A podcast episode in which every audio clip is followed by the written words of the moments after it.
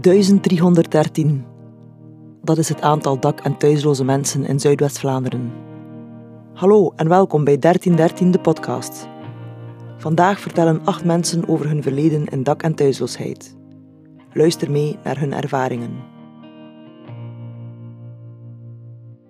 Ik ben Laura, ik ben 23 jaar, ik kom uit Wevelgem en ik was twee jaar geleden thuisloos. Thuis voor mij, als ik heel jong was, was eigenlijk nooit echt ergens. Ik had niet het gevoel dat ik um, zowel bij mijn moeder als bij mijn vader thuis was. Ik kwam wel altijd terecht bij mijn grootouders. En op latere leeftijd zijn ze ook mijn pleegouders geworden. Ik ben daar nog steeds dankbaar voor. Toen ik 19 was, ben ik gestopt met school.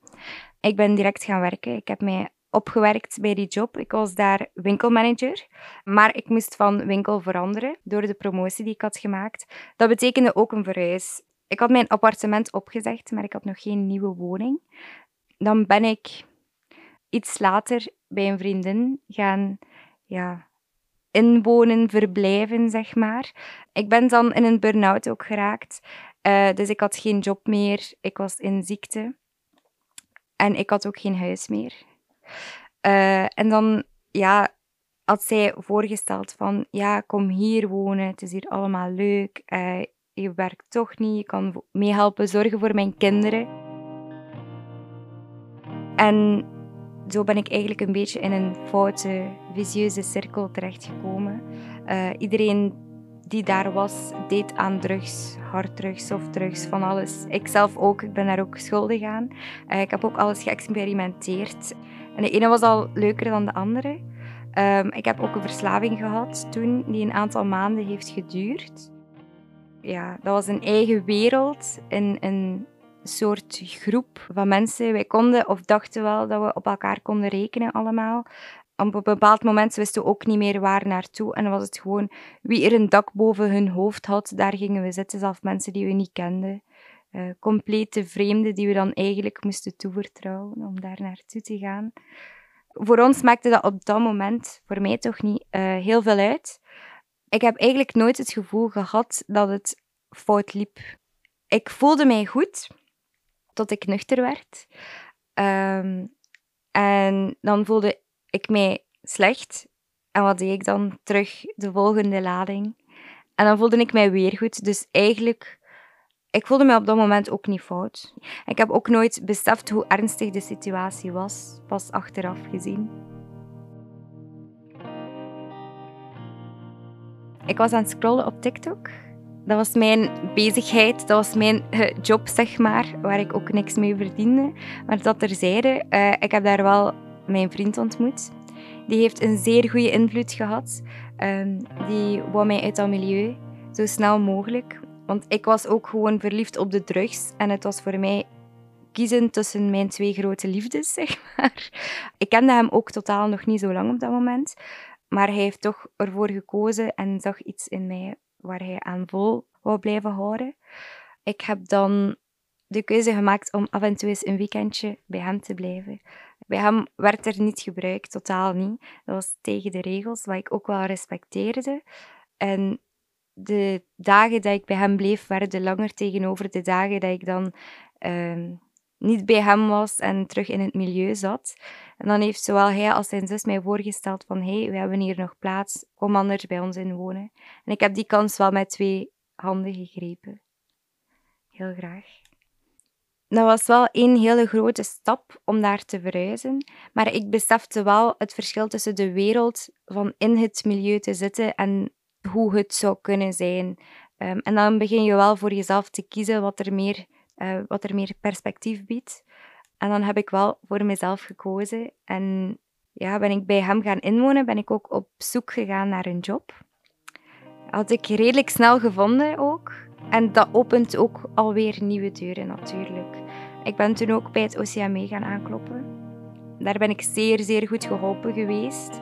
Om ook bijvoorbeeld mijn schulden die ik al die tijd had opgemaakt, um, te helpen af te betalen en zo.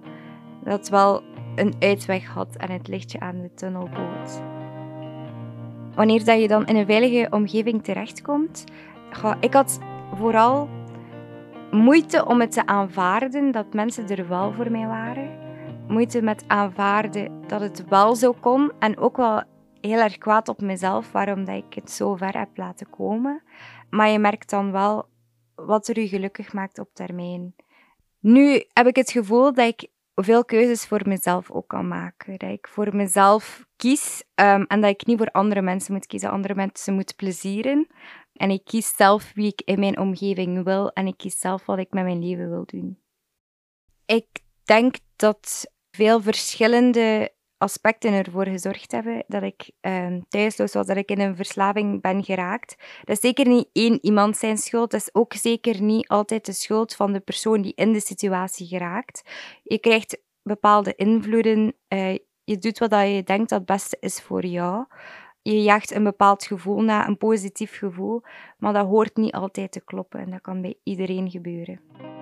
Voor ik zelf thuis en dakloos was, had ik een beeld van die bepaalde doelgroep.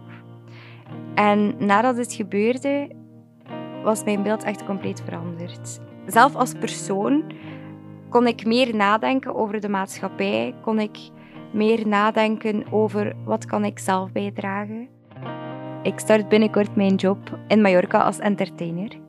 Ik ben daar naar op reis geweest en ik was eigenlijk verkocht aan wat de animatoren, de entertainers daar deden, alle activiteiten hosten um, en mensen eigenlijk de vakantie van hun leven laten beleven. Het bewijst dat je eigenlijk niet moet kiezen tussen het, het saaie leven achter het bureau of het uitgaansleven, het drugsleven. Dat betekent dat eigenlijk voor mij. Omdat je daar de combinatie hebt van een job en bepaalde standvastigheid. En toch ook avontuur en helemaal het niet saaie, het toffe, het leuke, het open en goed lachse, vrolijke uh, allemaal kan combineren. Mijn betekenis van geluk is het openstaan om voor jezelf te kiezen, maar daarin ook uh, mensen toe te laten de juiste mensen toe te laten. En dat is niet altijd even simpel om die te vinden, maar die zijn er zeker. Ehm, en je komt het gewoon tegen. Het is niet echt een gevoel dat je kunt beschrijven, maar je komt het gewoon tegen en je weet het als je bent. Ik besef ook dat dat voor iedereen anders is. Uh, als je de Laura van pakweg twee jaar geleden zou gevraagd hebben wat de betekenis van geluk is, en je vraagt het mij nu, dan is dat zeker een wereld van verschil.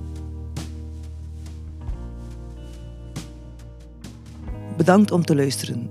Deel gerust met mensen waarvan je denkt dat ze er iets aan kunnen hebben. Zelf benieuwd naar andere verhalen? Die vind je terug op jouw favoriete podcastkanaal. Zit je zelf in een moeilijke woonsituatie? Neem dan contact op met het OCME van uw gemeente of met het CAW op het gratis nummer 0800 13 500. Dit is een podcast van W13 in samenwerking met Streekfonds West-Vlaanderen. Een productie in samenwerking met VZW Quindo.